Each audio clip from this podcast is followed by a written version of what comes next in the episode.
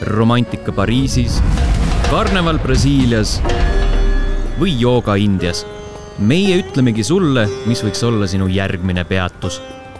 tere, head kuulajad, teiega on Õhtulehe reisipodcast Järgmine peatus ja mina olen Liina Metsküla. tänase saate külaline Susanna Veevo räägib meile Iraanist ja hiljuti ilmus tal ka raamat Minu Iraan. tere, Susanna! tere, Liina, väga hea meel on rääkida täna. kuidas sina üldse avastasid enda jaoks Iraani? Minu jaoks Iraan tuli rohkem ise minu juurde, et ma ei ärganud ühel hommikul üles ja ei mõelnud, et nüüd ma lähen Iraani, vaid eh, ma olin üldse, ma olin reisimas Euroopas palju-palju aastaid tagasi. Ma lendasin Ateenasse, hääletasin tagasi Eestisse niimoodi kuskil kahe kuu vältel, oli selline pikem seiklus ja, ja selle raames kohtusin ühe iraanlastest abielupaariga, kelle juurde jäin mõneks päevaks pidama ja nemad olid niivõrd vaimustuses oma koduriigist, oma kultuurist, oma pärandist, et et, ma ei saanudki mitte midagi parata, ma pidin minema Iraani, ma lihtsalt tundsin seda kutset niivõrd selgelt, et juba mõned kuud hiljem olin lennuki peal ja olin ise ka vaatama minemas, et millest nad siis täpselt rääkisid no kui sa maandusid seal Teheranis, oli see armastus esimesest silmapilgust või oli ikka paari silmapilku vaja, et see armastus kohale jõuaks? Seal oli vaja isegi päris mitut paari silmapilku, et,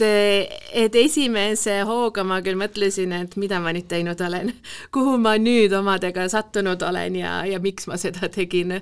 et seal ma maandusin öösel, ma arvan, kusagil kella kahe, kolme,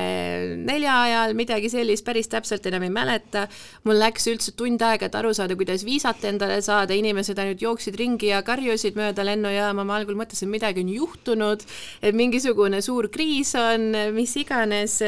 Eh, hiljem sain aru, et ei, lihtsalt oli tavaline kell kolm öösel ja, ja inimesed olid eh, kirglikud. ja see oli midagi, millega mul läks nagu pikalt aega, et harjuda, et hääle tõstmine, karjumine, äkilised liigutused, äkilised sõnad ei olnud nagu üldse pahatahtlikud enamus ajast, vaid see oli lihtsalt suhtlusstiil, sest muidu ei, ei kostunud hääl üle teiste aga mis, mis hetkel see armastus ikkagi kohale jõudis, et said aru, et et see on see riik, kus ma tahan äh, olla ja reisida ja mida näha? ma arvan, et minu jaoks see armastus tekkis võib-olla siis, kui ma hakkasin vaikselt Teheranist lahkuma ja kui, kui ma võtsin ka aega, et näha teisi linnasid, et ma ma, ma ka raamatus kirjutan lähemalt ja toon välja nagu mitmeid asukohti, mitmeid linnasid, mitmeid piirkondi, mis mulle väga-väga sügavalt niimoodi meelde jäid ja väga meeldisid, aga Kesk-Iraani linnad, Iraani selline kultuuripealinn Esfahan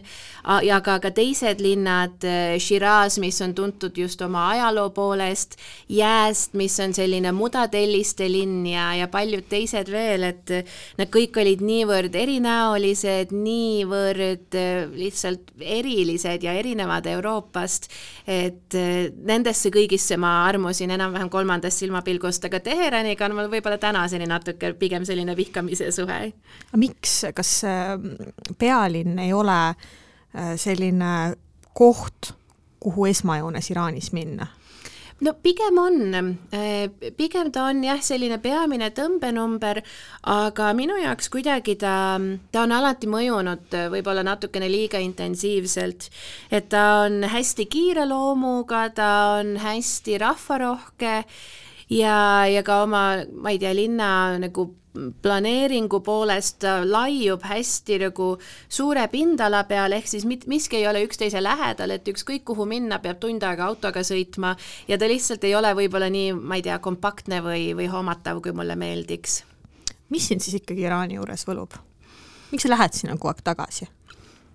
ma arvan, et, ehm, et see, kui palju mul on endal õppida, see on võib-olla see, mis sellise ma ei tea, isikliku arengu poole pealt ka on mind nagu kõige sügavamalt kõnetanud, et Iraan on riik, millest ma tegelikult ei saa eriti aru siiani ja, ja mille puhul ma näen, et on nagu on lihtsalt võimalik veel niivõrd rohkem kuidagi sügavuti minna, paremini seda kultuuri mõista, rohkem paikasid külastada ja, ja see on alati natukene ebamugav, et, et eks nagu olla täiesti võõras kultuuris, võõras riigis, kuhu ma mitte mingit pidi ei saa kuuluda ja paista seejuures silma igal sammul, igal hetkel, et ma ei ole osa sellest riigist, osa sellest rahvast. see on ebamugav, aga, aga teisest küljest ka aitab mul endal lihtsalt muutuda järjest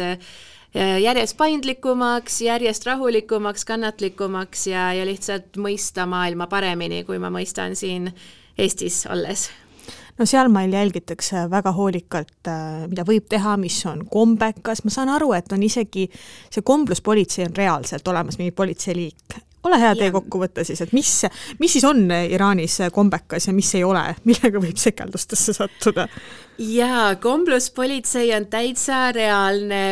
üksus, ütleme niimoodi, jah, politseiliik ja, ja võib-olla üks selliseid äh, nagu pahatahtlikumaid üksuseid Iraanis, et nemad ikkagi käivad ja otsivad, et kuidas saaks inimesi sekeldustesse nagu ma ei tea, saata või, või neid, seda probleemi nagu ümber tekitada. välismaalastel üldiselt eriti ei teki neid probleeme, sest ähm, välismaalastega lihtsalt ei taheta nagu ei taheta nagu eh, liiga palju tegemist teha, sest pärast on jälle mingisugune rahvusvaheline kriis, millega, millega ei jaksata tegeleda. aga sellegipoolest tuleb kõiki neid kombeid järgida, et alustades riietusnõuetest, mis tähendab, et eh, nii mehed kui naised peavad olema täiesti kaetud, et ei tohi olla liiga palju nahka paistmas, ka mehed ei tohi kanda lühikesi pükse, lühikesi varukaid, varuka pikkusest natukene oleneb, et ühest mingisugune pikkus on, kust alates võib juba lühike varuk keerukas olla, aga noh, näiteks maikasärki ei tohi kindlasti kanda.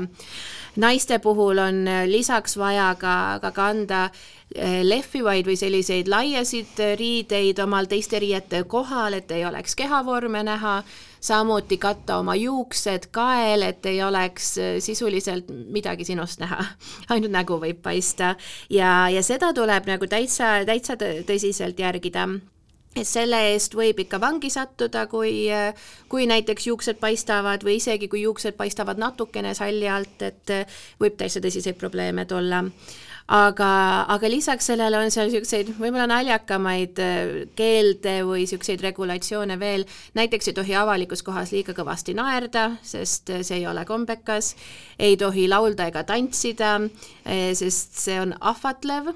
ei tohi näiteks mehed ja naised samas äh, bussi nagu osas sõita, samas metroovagunis ähm, on nagu väga rangelt äh, ära reguleeritud see, kuidas mehed ja naised ühiskonnaelus linnapildis omavahel kokku võivad puutuda aga vaatamata sellele kõigele on, on seal nii palju elu veel kõikide nende reeglite taga peidus, et, et sellest ei tasu ka ära ehmuda. ühelt poolt ma kuulan sind, mõtlen, et äh, justkui oleks naljakas, aga tegelikult on kurb ju, et äh, noh, tõesti võib-olla ma ise kujutan ette, et ma jooksen äh, teinekord bussile, noh, ja siis ma ei tea, müts enam-vähem või sall on kuidagi, ripub kuskil, et noh, selles mõttes, et, et juuksesalk võib ju ka selle, selle rätikese alt välja tulla täiesti juhuslikult ja siis on kohe jama majas. Jah, täpselt. Ja olen nõus, on küll tegelikult kurb, kurb ja, ja tegelikult on see lausa väga jõhker.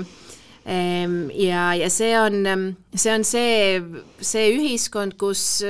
miljonid inimesed täna elavad ja, ja mille reeglitest nad ei pääse mitte kuhugi. et ka ise Iraanis olles ma olen alati võtnud väga tõsiselt oma, oma sellist privileegi, teades, et kohe, kui minul nagu viskab äh, üle või kui mina enam ei taha siin olla, siis ma saan olla järgmise lennuki peal ja ma ei pea kunagi tagasi tulema. ja, ja olles nagu teadlik sellest, et, et minul on nii lihtne viriseda ja ära minna, samal ajal kui, kui teised kohalikud, kui nad virisevad, võivad konkreetselt surma saada selle eest ja neil pole kuhugi minna, siis see aitab ka natukene võib-olla panna nagu perspektiivi lihtsalt, et mis see kohalik elu siis on kas äh, sina kui välismaalane pead ka ennast sama agaralt katma, sa ei tohi naerda, kõik need reeglid kehtivad ka sinule? jaa, kõik reeglid kehtivad ka sinule. Äh, kehtivad kõikidele, kes, kes välismaalasena Iraanis on ma raamatust lugesin, kas mitte ei öelnud sa sellist asja, et see on ainus riik maailmas, kus, kus ka turistid peavad täpselt sama palju katma ennast nagu kohalikud naised, et tavaliselt ju turistidele natuke vaadatakse läbi sõrmede. täpselt nii, et võib-olla riik, mis on Iraani kõrval olnud sellise nagu kurikuulsa mainega, et kus ka naiste õigusi väga piiratakse, on Saudi Araabia ja isegi Saudi Araabias on, on turistidel oluliselt rohkem rohkem õigusi ja oluliselt rohkem paindlikkust, kui Iraanis on. mil määral mehi ja naisi siis ikkagi äh, ühiskonna või avalikus kohas eraldatakse? Äh, kuidas see kõik toimib ja mis selle eesmärk on? no mul endal oli sellega nagu päris niisugune hea, äh, hea arusaam mu esimesel päeval Teheranis, kui me läksime oma toonase elukaaslasega, kes oli meesterahvas, kes oli eestlane, samamoodi esimest päeva Iraanis, läksime metroo peale ja, ja tema ei tohtinud vagunisse sisse astuda, sellepärast et see oli naiste vagun ja me ei olnud sellest aru saanud. ja kuna me avastasime seda nii hilja, ta visati sisuliselt vagunist välja, siis rong sõitis minema, mina olin rongi peal ja tema jäi perroonile ja, ja see oli selline võib-olla esimene eh, väga nagu kujut- või väga, vabandust, väga nagu piltlik näide sellest, et kui eraldi see elu ikkagi on ja, ja aga tegelikult ma ikkagi äh, segan sulle selles osas -hmm. vahele, et äh, naiste ja meeste vagunid metroos on ka mitmetes teistes riikides ja see on ju tegelikult pervertide vastu eelkõige. noh, ma ju, jah, ma ei tea, mis Iraanis täpselt see mm -hmm. eesmärk on, on ju, aga mujal ju leidub ka leidub küll jah, ja, ja on küll pervertide vastu ja, ja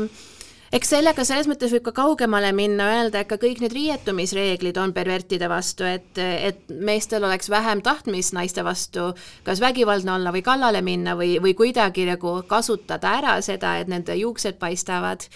Aga, aga ma lihtsalt arvan, et sellega saab ka liiga kaugele minna, et ühel hetkel peavad ikkagi ka Iraani mehed ise vastutuse võtma ja mitte vägistama naisi, kui nende juuksed paistavad. et, et selles mõttes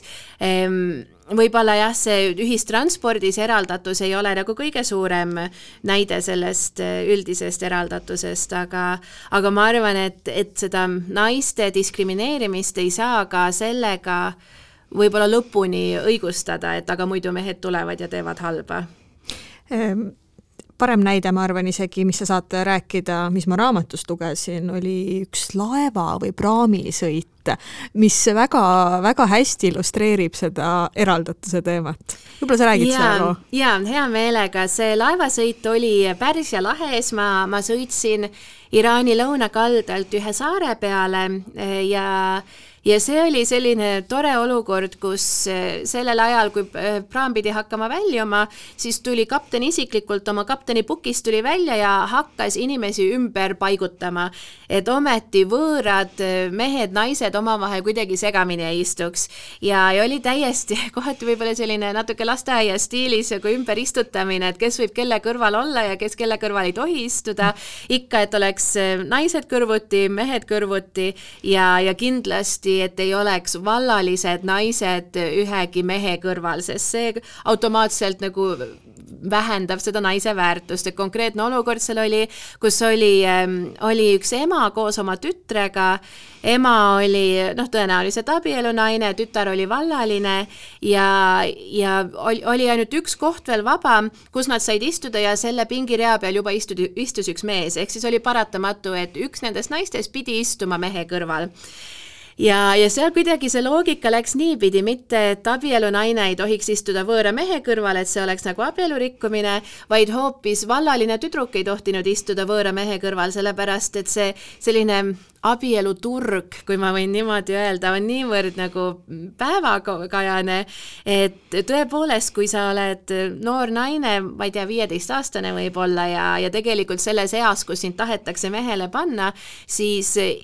iga selline kokkupuude võib sinu väärtust kuidagi turul alla viia ja see tähendab ka, ka sinu seda nagu kaasavaramakset, mis mehe pere teeb naise perele, et võib seda alla viia. Ja noh, selles kultuuris tihti on abielu väga majanduslik tehing, et et ega see, ega need armastus ja tunded nii väga ei loe, kui tegelikult perel on vaja ära elada ja, ja keegi on valmis su tütre eest maksma, nii et et jah, sellised huvitavad kombed ka erinevates piirkondades Iraanis siis. no kust see tulevane kosilane teab, et, et ükskord minu, minu tulevane kaasa istus meesterahva kõrval, no kust ta teab seda? Või kõik klatšivad või? ma arvan, et see on jah, pigem see, see klatšimine, et lihtsalt inimesed räägivad ja hoiavad silma peal. konkreetselt tolles, tolles piirkonnas, see saar, kuhu ma sõitsin, seal oli ka selline komme, et, et naised kandsid näomaske, mitte selliseid Covidi maske, vaid pigem nagu Veneetsia karnevali stiilis maske, mis mis peitis ära su näo, aga jättis silmad välja ja jättis suu välja, nii et oli rohkem nagu näo ülaosas. Aga mis nende maskide puhul oli eriline, neil oli hästi selline rõhutatud ninaosa ja, ja ma võin sellest, sellest nagu tagamaast hiljem veel rääkida, aga mis oli veel huvitav, et seal saare peal kohalikud elanikud kandsid erinevaid maske vast, va, vastavalt siis sellele, kas nad olid abielus või vallalised. et kui sa otsisid endale naist, siis sa valisidki, vaatasidki neid naisi, kes kandsid seda kindlat tüüpi maski, sest sa teadsid, et nemad on saadaval sisuliselt. ja, ja siis sai juba hakata taustatööd tegema, et uurida naabrite käest, uurida linnaelanikelt, et kas sa tead selle mehe tütart, kas sa tead, milline see pere on, milline see maine on ja paraku jah, sellised lood nagu kindlasti levivad ja, ja, ja maine säilitamine on hästi oluline. miks just sellel saarel selline süsteem on, et, et me, vallalised ja abielunaised kannavad erinevaid maske, sest see ei ole ju selline levinud asi äh, islamimaades muidu. see ei ole jah, absoluutselt levinud ja tegelikult selliseid näomaske ma ise ei ole kusagil maailmas näinud, et kantaks, ma olen üle Lähis-Ida eh, väga paljudes riikides käinud ja, ja üsna palju üleüldse reisinud, ma ei ole kunagi näinud, et niimoodi nagu nägu varja, varjavaid maske kantakse. aga see oli selline huvitav tagamaa et kuna Pärsia laht on hästi nagu heitlik piirkond ja, ja just nagu poliitiliselt ja sõjaliselt, seal on palju konflikte ajalooliselt olnud ja konflikte Iraani, Saudi Araabia, Omaani vahel, kes seal kaldal nagu peamiselt tegutsevad ja, ja need maskid kunagi loodi mereröövlite heidutamiseks. kuna Lõuna-Iraanis meestel on traditsiooniliselt sellised silmapaistvamad ninad, siis oli juba kaugelt näha, et kas kaldal paistavad paistavad mehed või naised ja kui paistsid naised, siis võisid mereröövlid kaldale minna ja, ja seal oma kuritegusid teha. kui paistsid mehed, siis nad ei julgenud minna, sest mine tea, millised metslased seal, seal saare peal elavad. ja, ja selle peale naised hakkasid kandma selliseid nagu väljaulatuva ninaosaga maske, et nad näeksid kaugelt välja nagu mehed. ehk siis, kui nad rannas pesu pesid, siis mereröövlid nägid, et aga need on ju mehed seal, seal kalda peal, et me ei saa sinna minna, mine tea, mis nad meiega teevad. ja, ja tegelikult sellise sellisest täiesti nagu turvakaalutlusest sai osa selle saare, sai osa selle saare kultuurist ja ehm, ja, ja siiamaani kantakse ja nüüd on see nagu nii kuidagi sisse harjunud, et jah, ta on saanud ka indikaatoriks su perekonnaseisuse osas ja osati ka, ka nagu abielurituaalide eh, kokkuleppimise osas. milline on üldse naise roll Iraani ühiskonnas? See on väga hea küsimus, see natukene sõltub eh, konkreetsest piirkonnast, et kuna Iraanis on ka palju hõimurahvaid, palju rahvaid, kes, eh, kes tänaseni näiteks suurtes linnades ei taha üldse olla ega elada, et see on liiga modernne nende jaoks, et võib-olla hõimurahvaste hulgas on see erinev, aga suurtes linnades, mida mina nägin, oli see, et et naised üldjuhul on haritud üldjuhul on kõigil naistel magistrikraad, paljud on ka doktorantuuris, et eh, õpinguid võetakse väga tõsiselt, aga tööl on neil keeruline käia mitte, et tööl käimine oleks keelatud, aga kuna naistesse suhtutakse niivõrd suurte eelarvamustega, siis lihtsalt need tingimused ei, ei ole sellised, et neil oleks hea tööl käia, kas naisi kiusatakse tööl taga või kiusatakse linnapildis taga, näiteks selle kohta on kirjutanud paljud naisajakirjanikud Iraanis, et kui palju probleeme neil tekkis sellega, et inimesed tulid kallale tänaval selle eest, et neil oli neil oli jultumust tööd teha või kirjutada, et mis on ajalooliselt nagu rohkem meeste töö seal riigis. aga, aga teisest küljest see ikkagi väga oleneb ka lihtsalt konkreetsest perest, et minul oli üks lähedane pere, kus oli kaks täiskasvanud naist, ema ja, ja täiskasvanud tütar. Ja siis pere pesamuna oli noor, noor mees, kes käis ainsana selles peres tööl ja, ja tema siis pidas ülal kogu pere sellepärast et ta oli mees. ta, tal oli kolm töökohta ja ta otsis endale neljandat töökohta veel, kuna, kuna lihtsalt ei jaksanud muidu üksinda tervet pere ülal pidada ja samal ajal naised, ei ema ega, ega õde tal ei, ei käinud tööl ja ja, ja eelistasid olla nendel tingimustel pigem kodus ja, ja tegeleda koduste asjadega. mulle tundus, et see oli nagu natukene ebaõiglane kõikide jaoks lõpuks, aga aga noh, mis jällegi minul välismaalasena on öelda, et see, see süsteem oli see, mis nad olid valinud. sa mainisid seda, et, et on tuldud naistele kallale sellepärast, et et nad on, neil on jultumust tööl käia. ma saan aru, et ikkagi need kallaletulijad on mehed, mitte teised naised või on ka sellised mõned naised väga äärmuslikud ja, ja veendunud, et naise koht on ikkagi kodus ma ütleksin täna, et eh, pigem naised on väga kokkuhoidvad ainus erinevus võib-olla on need naised, kes on, ehm, kes töötavad moraalipolitsei juures, et tihti moraalipolitsei on ka ise naisterahvad ja, ja nemad on siis tihti sellised väga rangelt konservatiivsed usklikud naised, kes arvavad, et nad nüüd täidavadki siis Allahi käsku selle, selle läbi, et nad moraalipolitsei on. Aga kui nüüd ütleme, see üksus välja arvata, siis ma ütleksin, et juba tänase seisuga on nii mehed kui naised ikkagi väga tugevalt naiste, naiste poolt ja toetavad naisi nendel protestidel, toetavad üksteist kogu selle võitluse juures ja ka need mehed, kes võib-olla kümme aastat tagasi nautisid enda sellist privileegiseisust, et ka need mehed täna ikkagi toetavad naisi ja näevad, et, et see ei ole mingit pidi õiglane, see ühiskond, milles nad täna elavad moraalipolitsei kohta tahtsin seda küsida, kas nad on sellised, kes niimoodi vaikselt sulanduvad rahvasse äh, või sa ikkagi näed kaugelt tulemas, et okei okay,, see on moraalipolitseinik ja ma tõmban hästi vaikseks või, või kontrollin, kas mul on juuksed kõik kaetud? Nad on jah, kahjuks see, see esimene variant, et nad on, nad kannavad erariideid ja, ja nad täiesti sulanduvad niimoodi massidesse ja ja otsivadki pigem neid hetki, kui inimestel on valvsus alla läinud ja kui siis äh, saab karistada selle eest, et keegi tegi pattu. Äh, ma lähen tagasi korraks selle loo juurde, selle, mm, see meesterahvas, kes, kes mitmel töökohal töötab ja, ja ema ja õde peab ülal, tema vist oli see, kes äh, kes kuskil köögis kurtis, et äh, tahaks süüa ja siis kõik hakati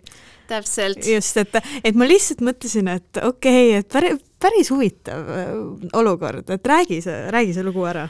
see oli üks, ähm, üks naljakas olukord jah, äh, võib-olla taustast veel rohkem rääkida, et ta oli üks väga väheseid muusikuid, kellega mina Iraanis kohtusin, et kuna Iraanis muusika on keelatud avalikus kohas, siis ei olnud väga palju variante, kus muusikat üldse kuulda. ja tema mm, professionaalse muusikuna, talle oli antud luba, et ühes restoranis paar õhtut nädalas mängida. Ja, ja sellepärast me ka sattusime suhtlema ja, ja mõneks ajaks ma jäin tema pere juurde juurde, kuna nad tahtsid äh, lihtsalt äh, minu kohta rohkem teada saada, mulle ringi näidata, mul ei olnud kuhugi kiiret niikuinii, nii et, et sain seda teha. Ja, ja tema puhul oli, oli tõesti see peremudel selline, et, et ta pidas oma ema ja õde ülal tema isa oli surnud siis, kui, kui see mees oli alles laps olnud, ma arvan, ta oli selline kuue-seitsme, kaheksa-aastane, midagi sellist, ehk siis ta oli pidanud hästi noorelt võtma nagu sellise pere, peremehe rolli endale üle. kuueaastaselt? jah, just, et juba siis tema oli see, see mees kes pidi vastutama oma ema ja oma õe eest. et ta küll siis ei hakanud tööl käima, aga see vastutus oli ikkagi tema peal ja kogu oma sellise täiskasvanu elu ta oli, oli tööl käinud mitmel töökohal, et siis jah, oma oma ema ja õde ülal pidada, õde vahepeal käis tööl, aga siis ta otsustas ikkagi mitte käia ja ema ei olnud vist äh, suurt kunagi tööl käinud. aga noh, teistpidi siis oligi nii, et, et kuna mees rabas nii palju tööd teha, siis koju jõudes oli ta jällegi täiesti abitu ja see üks olukord, mida mina pealt nägin, oli selline, kus ta seisis köögis külmkapi ukse ees ja hüüdis, et ema, mul on kõht tühi, anna mulle süüa. ja, ja selle peale ema tuli joostes, käsutas poisi diivanile istuma, et ometigi liiga ei teeks endale ja hakkas talle toitu ette kandma. ma südames naersin selle olukorra peale ja ütlesin, et kui, kui Eestis selline olukord juhtuks, et siis iga ema ütleks oma pojale, et palun väga, sul on käed otsas, tee midagi. tee see külmkapp lahti ja sa leiad seal kõike, mis sa tahad. ja nemad jällegi pidasid seda hästi-hästi kummaliseks, et neile tundus, et see on nii südametu, kuidas üks ema saab ometi oma poja nälga jätta, kuidas üks ema üldse ei hooli oma lapsest ja, ja nemad ei saanud aru, kuidas meil see vastupidi käib. ja, ja samamoodi ma ütlesin, et ka näiteks paaride puhul, elukaaslaste puhul, puhul ei ole niimoodi, et, et naine lihtsalt kannab ette ja, ja teeb süüa ja hoolitseb üksinda täiesti kodu, kodumajapidamise eest ja, ja mees lihtsalt istub ja laseb ennast siis teenindada. ja, ja nad jällegi ei saanud aru, et aga, aga mida see naine siis teeb või miks ta siis ei armasta oma meest piisavalt, et ta tema eest hoolt kannaks. selle osas me ei leidnudki ühiskeelt, et lihtsalt saime aru, et mingid arusaamad on täiesti erinevad kas naist seal perekonnas võib-olla natuke rohkem austatakse kui, kui ühiskonnas, et on tal nagu selline suurem ja tähtsam roll? mulle tundus küll, et ähm, ma arvan, et see on tegelikult üsna sarnane kogu Lähis-Idas, on selline ütlus, et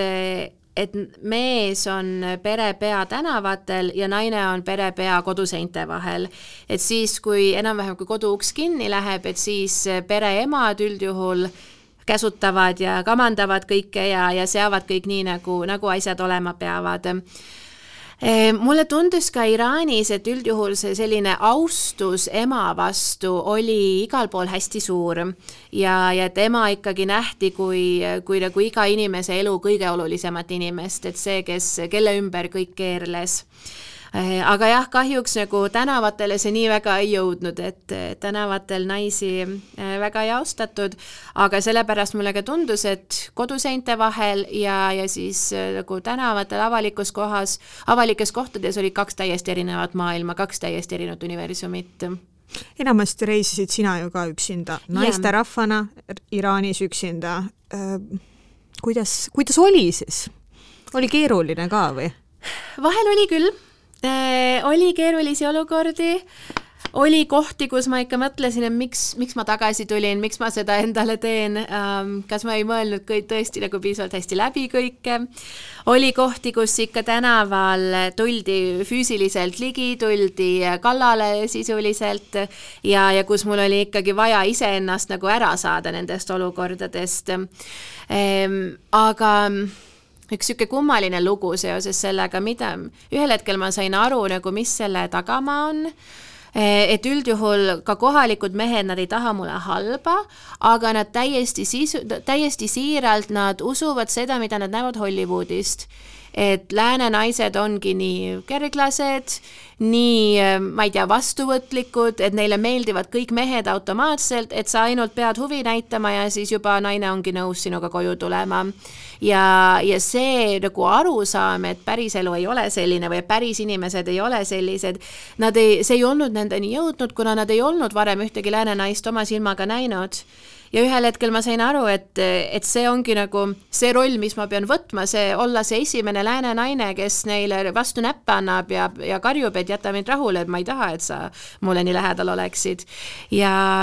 ja nagu pärast seda arusaama läks see mul natukene nagu lihtsamaks, et nagu vähemalt psühholoogiliselt mõtlesin, et see ei ole sellepärast, et mina olen ühesugune või teistsugune, vaid sellepärast, et see lihtsalt ongi kogu see, see stereotüüp, mida, mida seal riigis on lääne naiste kohta sisendatud. kirjelda seda olukorda, kus sulle kallale tuldi ehm,. no üks olukord oli näiteks ühes metroojaamas, ma ootasin rongi, eh, seal oli väga vähe inimesi, võib-olla selline kümmekond inimest ja, ja minuga tuli rääkima üks, üks noor mees, kes inglise keelt ei rääkinud ja mina pärsia keelt ei räägi, nii et, eh, et ma ei olnud päris kindel nagu, mida ta tahab või, või millest ta minuga nagu rääkida tahab. ja ta hakkas mul lihtsalt järgi käima ja, ja niimoodi, et ma üritasin nagu temast eemale minna, aga kuna ma tahtsin ka rongi peale minna, ma ei saanud eh, nagu täiesti ära jalutada, aga ta tuli mulle järgi, ühel hetkel hakkas mind katsuma lihtsalt nagu avalikus kohas olles ja mm, ja selle peale ma, ma üritasin nagu tema, ma ei tea, läks nagu natuke selliseks rüselemiseks ja ma ajasin teda ära või üritasin teda eemale saada endast ja,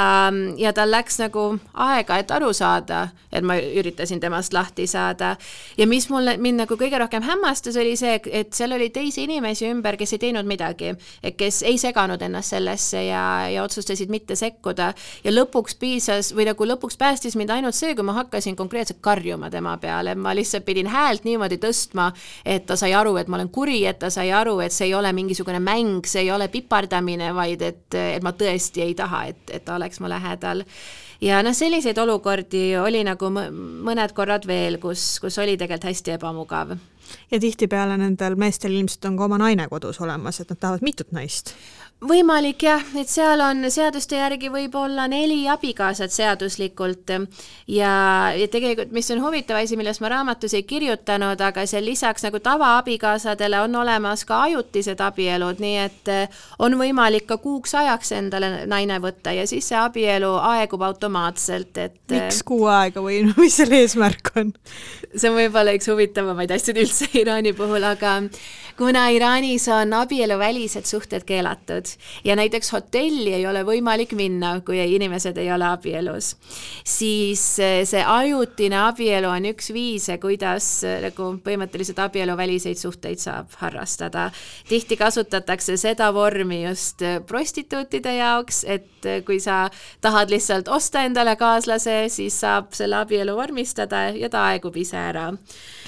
ma ei ole kusagil maailmas näinud sellist asja rohkem. ja ma ei ole kuulnud ka kõikide, kõikide nende lugude jooksul, mis ma siin podcast'is olen kuulnud ja nii palju kui ise sealkandis, mitte küll Iraanis olen reisinud, vot seda, sellist lugu ei ole tõesti kuulnud. kuidas ajutist abielu siis sõlmitakse? see tuleb sõlmida imaami juures ehk siis islami sellise usupealiku juures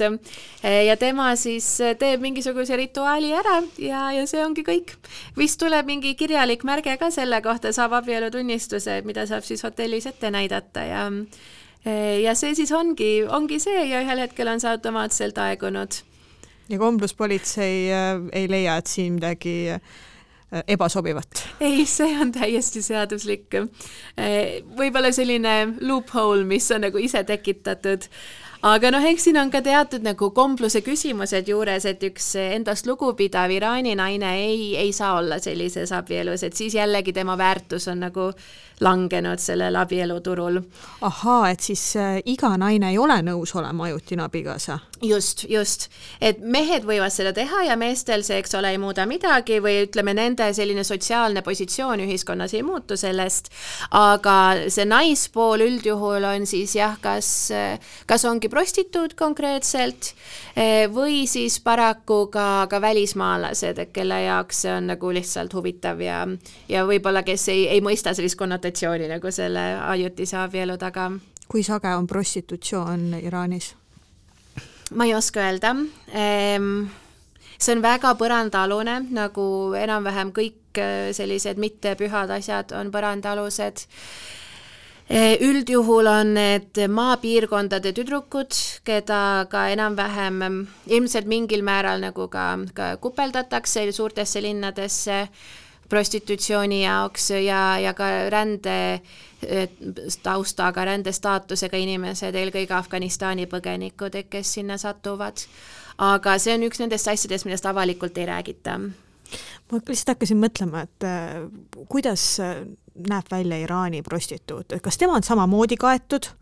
või tema ikkagi vaatad peale, saad aru, et okei okay,, see ei ole aus tütarlaps? Ma arvan, et pigem ta on ka kaetud, sest mina ei näinud ähm, mina nagu oma Iraani kuudel, ma ei näinud seal inimest, kelle peale ma vaataks ja mõtleks, et ta on ilmselt prostituut.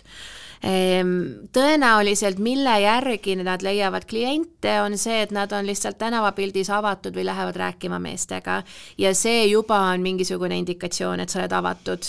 millekski, mingisuguseks suhteks. aga jah, rohkem ma ei tea ise ka. Kui sage on hoopis mitme naise pidamine siis? see ei ole nii sage, kui võib-olla arvatakse, äh, seda peetakse parajaks äh, peavaluks, kuna islami reegel on, et kui sul on mitu naist, siis sa pead kõiki võrdselt ülal pidama. kõikidel peab olema sama väärtusega maja, sama suur maja, äh, kõikidele peab kinkima sama väärtusega ehteid, riideid. Ja kõigil peab olema samad, peavad olema samad elutingimused ja nad peavad sinuga võrdselt aega veetma, et sa pead oma aja nagu enam-vähem niimoodi eh, niimoodi kalkulaatoriga ära jagama, et ükski naine ei saaks lemmiknaiseks või ei, ühelgi naisel ei oleks rohkem nagu mingisugust lähedust sinuga kui, kui teistel. Ehm, pigem on näha, et maapiirkondades jällegi on neid majapidamisi, kus mehel on kaks, harvem, harvemini kolm naist sellisel juhul tihti on need naised näiteks õed ja, ja lihtsalt on võetud selle jaoks, et oleks lihtsam elada, et oleks lihtsam kõiki toimetusi teha, muuhulgas ka loomi kasvatada, põldu harida ja nii edasi. Need naised võivad siis ka kõik ühes, ühes ja samas majas elada, et ei pea olema niimoodi, et sul on igale naisele eraldi maja? jaa, võivad elada küll. ja, ja tihti need naised on omavahel päris head sõbrannad ja pigem nad on selline ühisrinne siis selle mehe vastu, kui midagi on tarvis okei okay,, mega naljakalt kõlab see ehm, ma sellega seoses äh, tahtsin äh, küsida äh, sinu enda kogemus siis seal, seal Iraanis, et sa esimesel korral ju tegelikult reisisid enda toonase elukaaslasega, meesterahvaga. ja siis sa ei tajunud, eks ju, seda. aga vist on nagu rohkem niimoodi, et, et sa olid tihtipeale ainus naine seltskonnas, rohkem suheldi meesterahvaga, sa olid selline nagu nii-öelda taustatantsija seal, et äh, kuidas sellega on? jaa, see oli ähm, ma olin nii noor siis, ma, see oli ikkagi nagu palju aastaid tagasi, ma arvan, ma olin kakskümmend üks, kakskümmend kaks, kui ma esimest korda Iraanis käisin. Ja ma siiralt ei saanud mingitest asjadest aru, lihtsalt. Ma alles nüüd tagantjärgi mõtlen, et kuidas ma olin teatud seltskondades nagu selliseks aksessuaariks sisuliselt. Ja, ja lihtsalt sellepärast, et minu kaaslane ei öelnud mulle, et kuule, mine koju, et see ei ole naise koht, kus olla, sest me ei saanud kumbki aru, et, et olukorrad olid sellised. aga, aga jaa, oli nagu palju olukordi, kus näiteks meid kutsuti vesipiipu suitsetama kuhugi ranna äärde, kuhu iganes, või me arvasime, et meid kutsuti, reaalsuses teda kutsuti ja lihtsalt mina olin kaasas mingil põhjusel. ja, ja vestlustes minuga otse ei rääkinud mitte keegi, mind ei kõnetanud mitte keegi, mulle ei vaadanud silma, ei vaadanud otsa mitte keegi. ja ma ise vahepeal hüppasin vestlustesse, sest ma olen selline, nagu ma olen, eks. ja, ja selle peale oli jälle täielik vaikus ja, ja ainult siis minu kaaslane vastas mulle või oli nagu selle selles vestluses osa minuga. Eh, see oli hästi nagu frustreeriv lõpuks, eks ma mingil hetkel hakkasin aru saama, et pole lihtsalt üksikud olukorrad, vaid et see ongi nagu tavaks niimoodi, et mehed naistega otse ei suhtle. Ja, ja kuna me olime ka paar, siis, siis pigem nagu nähtigi äh, teda kui ütleme sellist perekonnapead ja, ja mind kui lihtsalt kaasa jõlkuvat inimest ehm,. aga noh, reaalsus oli see, et mina juba tundsin Iraani oluliselt paremini kui tema ja ma olin ka oluliselt ekstravertsem kui tema, nii et see oli tegelikult hästi ebamugav meie mõlema jaoks. keegi sind ära ei saatnud või? kui sa sinna vesipiibubaari laekusid kohale? seda mitte jah, et selliseid kohti, kuhu mis oleks olnud nagu ainult nii-öelda poisteklubid või, või kuhu naisi poleks üldse lubatud, selliseid kohti mina ei näinud. võib-olla lihtsalt mulle ei näidatud, et need olid nii poisteklubid, et mulle ei räägitudki, aga, aga jah, selliseid olukordi ei olnud. hiljem sa ju reisisid ikkagi üksinda, ilma meheta kuidas, kuidas sa siis need äh, vestluste olukorrad lahendasid, sa ju ei suhelnud seal ainult naisterahvastega? Ja see oli keerulisem. Eh, see oli ka paras selline šokk, kui ma sain aru, et kui erinevalt mind koheldakse, eh, vastavalt siis sellele, kas ma olen üksinda või kas ma olen meesterahvaga koos. Eh, ja minu selline võib-olla lähenemine siis oligi see, et ma ikkagi peamiselt suhtlesin naistega ja, ja ainult, kui mul olid mingid kohalikud sõbrad, keda ma juba varasemast tundsin, kes olid meesterahvad, et siis ma ka, ka nendega suhtlesin ja ka nendega oli turvalisem, sest jällegi mees oli, eks ole, käe kõrval. aga, aga üldiselt ma, ma nägin, et ma, ma nagu hoidsingi rohkem naiste ligi ja, ja ei, ei, ei pannud ennast olukordadesse, kus, kus näiteks teisi naisi ei oleks olnud ma lugesin raamatust äh, sellise salajase kohvikukultuuri kohta ja seal ikkagi mehed ja naised on üsna vabalt, äh, veedavad koos aega, ei ole niivõrd kaetud, nad, räägi sellest teemast jaa, see selline kohvikukultuur ja just need salajased paigad olid minu jaoks hästi huvitavad. ma mõtlen paralleelina, võib-olla nad on sarnased selle eelmise sajandi alguse USA speakeasy'dega, et kui alkohol oli keelatud ja kui siis baarid olid, kui nad toimetasid niimoodi salaja, et sa ei, tänavalt ei saanud aru, et see on baar ja pidid kuskilt tagauksest sisse minema ja nii edasi ja nii edasi. ja need Iraani kohvikud suures osas eh, on nagu sarnased, et sa kõigepealt sa oled tänaval, tänaval, see näeb välja nagu elamupiirkond, sa ei näe seal mitte midagi erilist, sa ei näe, et mingi elu käiks, siis sa astud ühest mitte midagi ütlevast uksest sisse ja seal on näiteks kunstigalerii, aga ka täiesti mitte midagi ütlev galerii, et sa lihtsalt vaatad mingi tore näitus ja see on kõik. aga siis, kui sa astud veel sellest õigest tagauksest sisse või kui sa leiad selle ukse enam-vähem sealt maali tagant, siis sa satud lõpuks kuhugi tagahoovi kohvikusse, mis on täis rahvast, kus on kuni sadakond noort inimest ilma sallideta, ilma pikkade riieteta naermas, kuulamas muusikat, rääkimas üksteisega sood segamini, täiesti niisugune tavaline elu. ja need on, ma arvan, ühed kõige paremini nagu peidetud kohad Iraanis, kuhu sattuda. mis siis, kui uksest astub sisse kombluspolitsei? siis on, on jama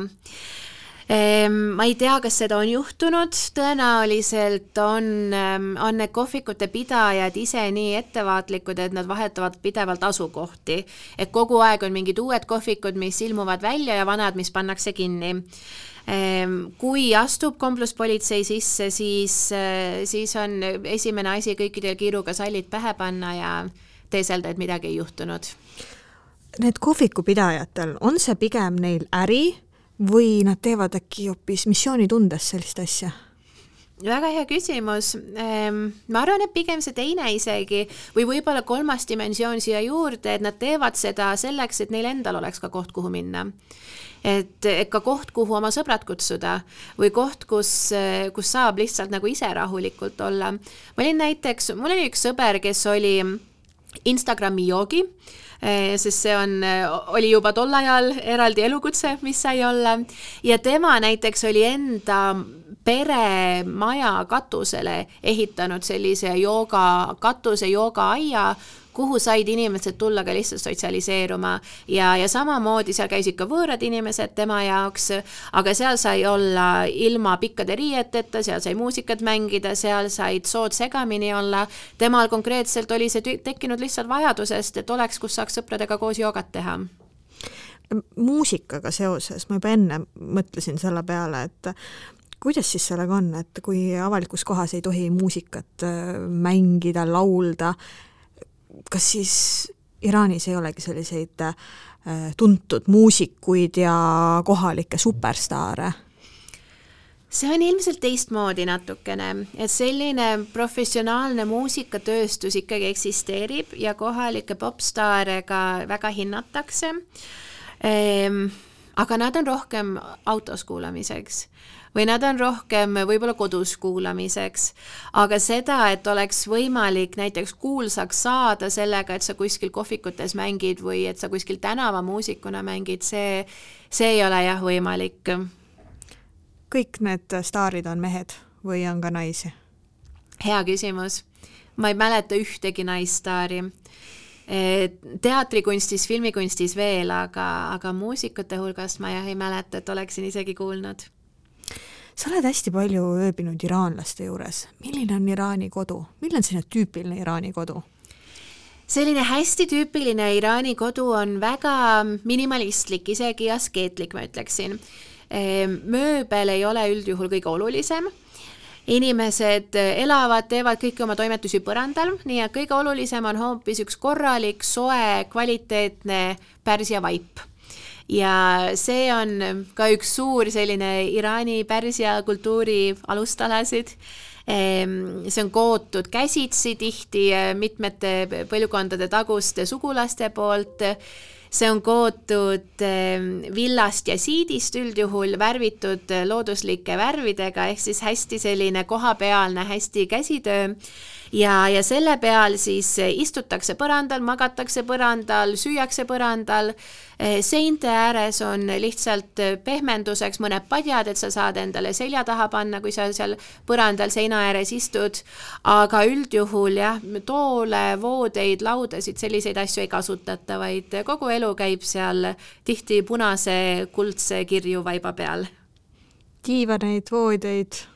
ei ole kohanud. diivanit tõesti ei ole kohanud, modernsetel inimestel on voodid, aga diivanit ma ei ole enam-vähem vist üheski Iraani kodus näinud. väga palju on äh, tänavapildis ju kodutuid näha, eks ole. on üldpilt selline trööstitu või on see suudetud kuidagi positiivsemaks teha? näiteks Esfahanis sa isegi ei saanud aru, et sa kodututega juhuslikult aega veedad. kuidas sellega yeah. olukorraga on? Iraanlased on selles mõttes äh, hästi huvitavad inimesed, et nad on väga kogukondlikud, nad hoiavad, ähm, hoiavad oma sellise küla, oma linna, oma naabruskonna ligi ja nad hoolitsevad üksteise eest, kui kellelgi midagi halvasti läheb. ja, ja ma olen nagu sama märganud ka koduta inimeste puhul, et nende eest hoolitsemine on nii linna nagu, linnavõimudele kui ka kohalikele inimestele niivõrd kuidagi loomulik ja iseenesestmõistetav, et inimesi ei lasta tänaval, ma ei tea, ära külmuda näiteks lihtsalt.